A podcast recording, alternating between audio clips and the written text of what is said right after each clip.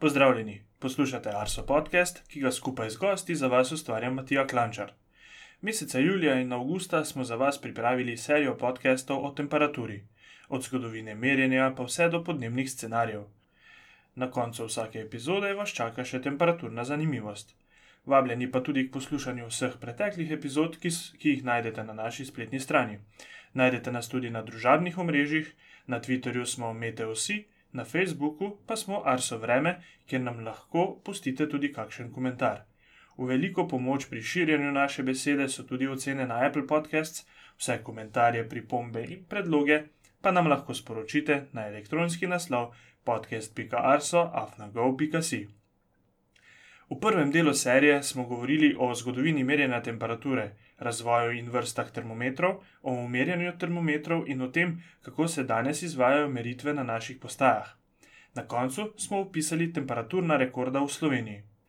V današnjem drugem delu serije pa bomo govorili o metapodatkih. Kaj so metapodatki, kako se zbirajo, katere metapodatke povezujemo s temperaturo, ne bo pa manjkalo tudi zgodb o pridobivanju metapodatkov iz preteklosti. Z mano se je o metapodatkih pogovarjala Mateja Nadbah. Seveda sem pričel z vprašanjem, kaj sploh so metapodatki. Metapodatki so podatki o podatkih. To se sliši zelo strokovno ali pa nič ne pove. Hkrati pa so to uh, podatki, ki opisujejo določene podatke. Recimo, da uh, vzamemo primer temperature zraka. Če mi zjutraj slišimo 17 stopinj, si s tem ne moremo veliko pomagati. Običajen uporabnik bo um, predvideval, to je najbrž 17 stopinj v Ljubljani. Pa ni nujno. Ne? Se pravi, meta podatek bi v tem primeru za običajnega uporabnika bil lahko podatek o tem, kje je bila ta temperatura izmerjena. To je v tem primeru kraj meritve. Ker pa v klimatologiji uporabljamo te podatke dosti bolj strokovno, so v klimatologiji podatki, uh, meta podatki bolj široki. Se pravi, um, potrebujemo podatke o tem, um, kje je bilo izmerjeno. Pa ne samo uh, ime kraja, ampak tudi kakšno je bilo opazovalno mesto, kateri instrumenti so bili, uh, kdo je bil opazovalec, kako se je opazoval, na kateri višini so instrumenti, spremembe vsega tega, način opazovanja, uh, spremembe. Teh opazovalnih enot, se pravi, merskih enot, ker so se v preteklosti spremenjale, uh, vse te stvari so pomembne. Pomembne so pa zato, da znamo ovrednotiti ta podatek, da vemo, kaj z njim početi, ali ga lahko uporabimo pri analizah, ali je postaja reprezentativna, da znamo presoditi, ali je. Um, Ta podatek pravilen, ali je mogoče prišlo do kakšne napake, ali je opazovalec uh, dobro opazoval, ali je v pravem času opazoval, so instrumenti umirjeni, s časom se lahko instrumenti pač uh, tudi uh, potrebno umirjati, se spremeni uh, njihova natančnost. Uh, take stvari. Tako da v bistvu meta podatek je zelo pomemben, uh, da vemo in poznamo podatke, s katerimi delamo. Nadaljeval sem s vprašanjem, na kakšen način se zbirajo meta podatki. Metapodatke zbiramo takoj po postavitvi postaje. Se pravi, ko postajo postavimo, zberemo že prve metapodatke. To pomeni, postaji določimo ime, postaji določimo uh, koordinate, morsko višino, um, kakšne instrumente smo postavili na postaji, uh, potem poslikamo lahko opazovalno uh, mesto, skice, um, določimo, se pravi, izrišemo karte. Um, vse te stvari naredimo že takoj ob postavitvi postaje. Toliko časa, koliko potekajo opazovanja na postaji, se pa zbirajo tudi metapodatki poleg. Ne? Se pravi, eh, če se na postaji um, spremeni na opazovalnem mestu, um, da prestavimo uh, dežemer, se uh, to zabeleži. Če se zamenja opazovalec, to zabeležimo. To so vse metapodatki. Uh, če um, prestavimo opazovalno mesto na drugo, na drugo lokacijo, to je tudi metapodatek. Um, Če se naprimer na okolici opazovalnega mesta zaraste drevo, kar je recimo za veter ali pa sončno sevanje pomembno, uh, tudi to uh, zabeležimo. Ne? Na ta način, to je od začetka. Zač začnemo z postavitvijo postaje in dokler postaja deluje, dokler potekajo na njej opazovanja, zbiramo metapodatke. Ko postaja zaključi, tudi metapodatki z te postaje niso več potrebni. Um, dokler pa uh, opazovanja potekajo in imamo meritve, pa um, moramo imeti tudi neke podatke. Običajno je pa tudi tako, da uh, postajo ne obiščemo samo ob postavitvi, ampak jo obiskujemo uh, redno, to so te um, obiskovanja postaje, ker je treba recimo zamenjati instrument, pogledati, če je vse v redu, opazovalcu mogoče kaj naročiti, ga kaj podučiti, če je opazovalec česa, česa nima, da ga opremo spet, recimo, da, da mu manjka črnilo, da se mu je menzura po, polomila, se pravi razbila. Ne? In s takimi stvarmi ga opremo, hkrati pa takrat tudi preverimo vse ostale stvari, ki, kaj se dogaja na postaji. Na ta način zbiramo.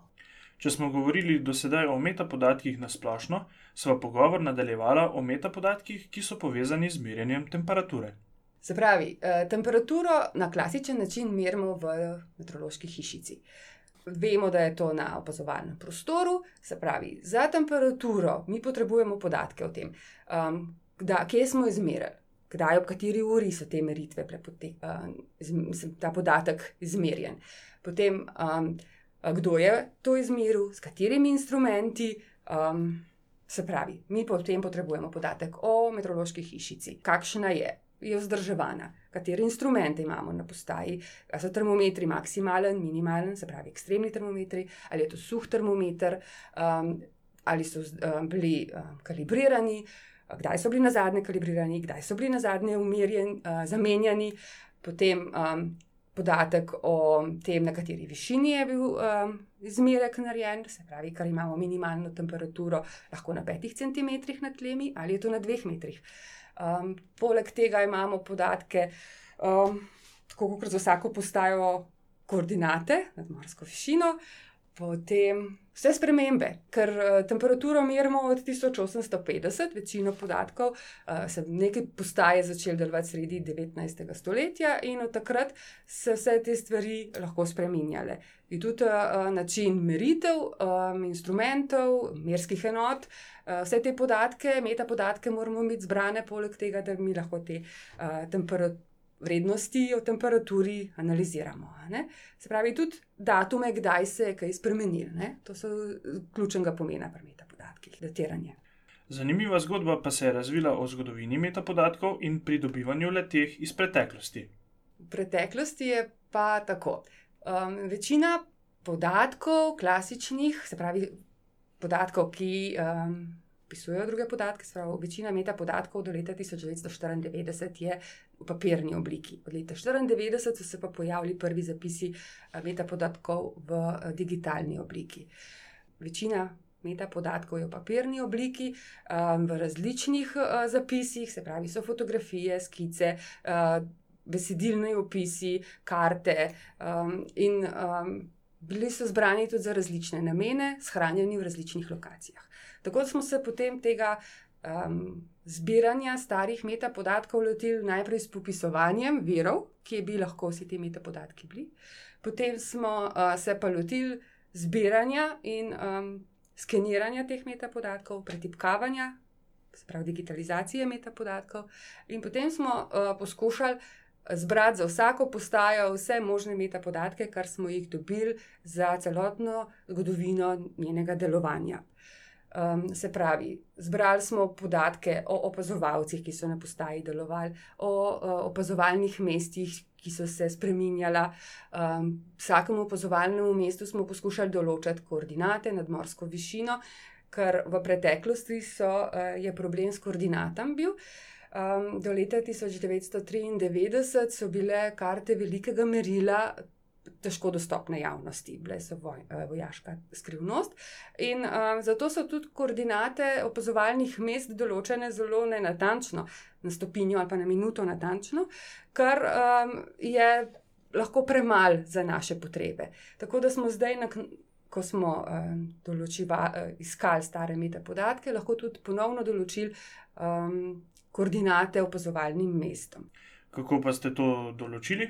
To pa smo uh, lahko določili na osnovi uh, fotografij, starih, starih skic um, in smo poskušali to rekonstruirati. Se pravi, um, kot sem omenila, smo zbrali uh, podatke o opazovalcih, opazovalnem mestu, o instrumentih. Vsi instrumenti so se tudi pred, od preteklosti, se pravi, od sredine 19. stoletja do danes, marsikdaj spremenjali, razvijali uh, in so te podatki pomembni. O njihovi namestitvi. Niso vedno bili standardizirane namestitve instrumentov. Nekateri instrumenti so bili na, okn, na oknu, v prvem nadstropju, recimo v preteklosti, lahko, uh, lahko so bili na zahodni strani hiše, karkoli. In to je pomemben podatek, zato da vemo, ali bi mi te uh, podatke uh, uporabljali, spravo te izmerke uporabili, ali uh, nam so sam kot zanimivost, pa zgodovinska vrednost. Ali so merili včasih ob istih urah kot danes? Zbiramo tudi te stvari, eh, kako so um, merili, v katerih urah, ker vedno niso bili standardizirani časi, so se tudi te malo spremenjali, malo prilagajali, malo so še uh, iskali, kateri, katere ure so po, uh, bolj primerne za merjenje. Um, tako da so tudi različni časi meritev bili, recimo v 7, 14, 21, to je standardizirano danes. V preteklosti so bili podobni, marsikje je bilo pa lahko tudi ob 9, ob enih popovdne. Um, tako da so te podatki tudi pomembni in tudi to potem zbiramo. Um, navodila, kako so uh, opazovanja vršili. Eh, ker so um, bili natančni, uh, sistematično so se lotili meteoroloških opazovanj, zato so tudi, uh, tudi v preteklosti meteorološke službe izdajale svoje navodila, pravilnike, kako se opazovanje upravlja, kako se uh, kakšne stvari opazuje, meri uh, in te stvari. Z metapodatki smo se veliko ukvarjali v projektu Podnebna spremenljivost Slovenije, ki smo ga v preteklih epizodah podcasta že omenjali. Nekaj več o tem, kako so se zbirali metapodatki v tem projektu, je razložila tudi Mateja. Tega smo se lotili um, zelo sistematično, ker smo um, imeli en projekt, imenovan Podnebna spremenljivost v Sloveniji, in smo želeli za vse postaje, uh, ki smo jih um, imeli v tem projektu, um, namen analizirati, uh, pripravili tudi metapodatke. Um, pri teh metapodatkih smo se pol, poleg tega srečevali tudi s. Um, tujimi imeni krajev. V preteklosti je Slovenija zaradi zgodovinskih razlogov pripadala del Mačarski, del Italiji, del Nemčiji, sem Avstro-Ogrski in so nemški, je nemški jezik tu, italijanski, mačarski. Kraji so bili um, z drugimi imeni, recimo tak primer je, um, ki ga zelo rada omenjam, je Kobarit, ki je v preteklosti uh, v času Italije um, bil imenovan. Um, Caporeto, uh, v času Avstralske Carfrite. Um, zanimivo je zaradi tega, ker italijani izraz Caporeto uporabljajo za popoln poraz. In v resnici ne vedo, da je to kraj v Sloveniji, um, ki je v času Soške fronte uh, bila um, bitka, kjer so italijani doživeli popoln poraz. In Caporeto pomeni popoln poraz, tudi na drugih področjih. Um, tako da. Um, smo se srečevali s poleg tujih, um, tujega jezika, tudi z različnimi pisavami, uh, s cirilico, s korento ali kurzi, uh, kurzivno pisavo. Tako da je pri reševanju meta podatkov um, kar precejšen zalogaj in je tako interdisciplinarno delo, kjer znanje tujih jezikov in zgodovine pride še kako prav. Zanimivo zgodbo o Kubaridu sva pogovor o metapodatkih z Matejo pripeljala k koncu. Za konec te epizode podcasta pa nas čakajo še temperaturne zanimivosti. Če smo v prejšnji epizodi kot temperaturno zanimivost opisali najnižjo in najvišjo izmerjeno temperaturo v Sloveniji, bomo tokrat pogledali temperaturne ekstreme po svetu. Tudi tokrat bomo pričeli z najnižjo temperaturo. Najhladnejše območje na svetu najdemo na Antarktiki. Verjetno ste že slišali za rusko raziskovalno postajo Vostok, ki leži približno 1000 km stran od Južnega pola na nadmorski višini približno 3500 metrov. Življenje tam je za raziskovalce vse kaj drugega kot prijetno.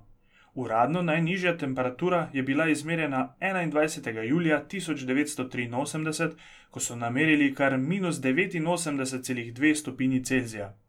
Poglejmo še nekaj drugih temperaturnih zanimivosti za to postajo. Najhladnejši mesec je bil avgust 1987, ko je bila povprečna mesečna temperatura kar minus 75,4 stopinje Celzija. Poglejmo še najvišjo izmerjeno temperaturo. Izmerili so jo 11. januarja 2002, ko je bilo pod narekovaji izjemnih minus 12,2 stopinje Celzija. Kaj pa druge po svetu in na ostalih celinah, kje so še ekstremno hladna območja? Na Grenlandiji so izmerili temperature okoli minus 70 stopinj Celzija. Prav tako so podobne temperature izmerili v Sibiriji na postajah Ojmjakon in Verhojansk. V Severni Ameriki so najhladnejša območja v zvezdni državi Aljaska, v ZDA in na severozahodu Kanade, ozemlje Yukona, kjer so izmerili okoli minus 62 stopinj Celzija. V Evropi so pod Uralom izmerili minus 58 stopinj Celzija, v epizodi o mraziščih je bil omenjen avstrijski rekord minus 52,6 stopinje Celzija. V Južni Ameriki je najnižja izmerjena temperatura minus 40 stopinj Celzija v Čilu, afriški rekord drži postaja Ifrane v Maroku, kjer so izmerili minus 24 stopinj Celzija. Najnižje izmerjene temperature zaključujemo v Avstraliji, kjer so izmerili minus 23 stopinj Celzija. Če nas je sedaj kar mrazilo, nam bo ob naslednjih ekstremih kaj hitro prevroče. Mogoče je potrebno na tem mestu poudariti, da lahko na spletu najdemo veliko sumljivo izmerjenih visokih temperatur in da je bistvo pri objavi rekorda zanesljivost meritve. Najvišja temperatura na svetu, 54 stopinj Celzija, je bila izmerjena na dveh območjih. Dolina smrti v ZDA je znano mesto, kjer temperature dosegajo visoke vrednosti in kamor radi zahajajo tudi turisti. Drugo območje, kjer so izmerili 54 stopinj Celzija, pa je v Kuwaitu ob Perzijskem zalivu.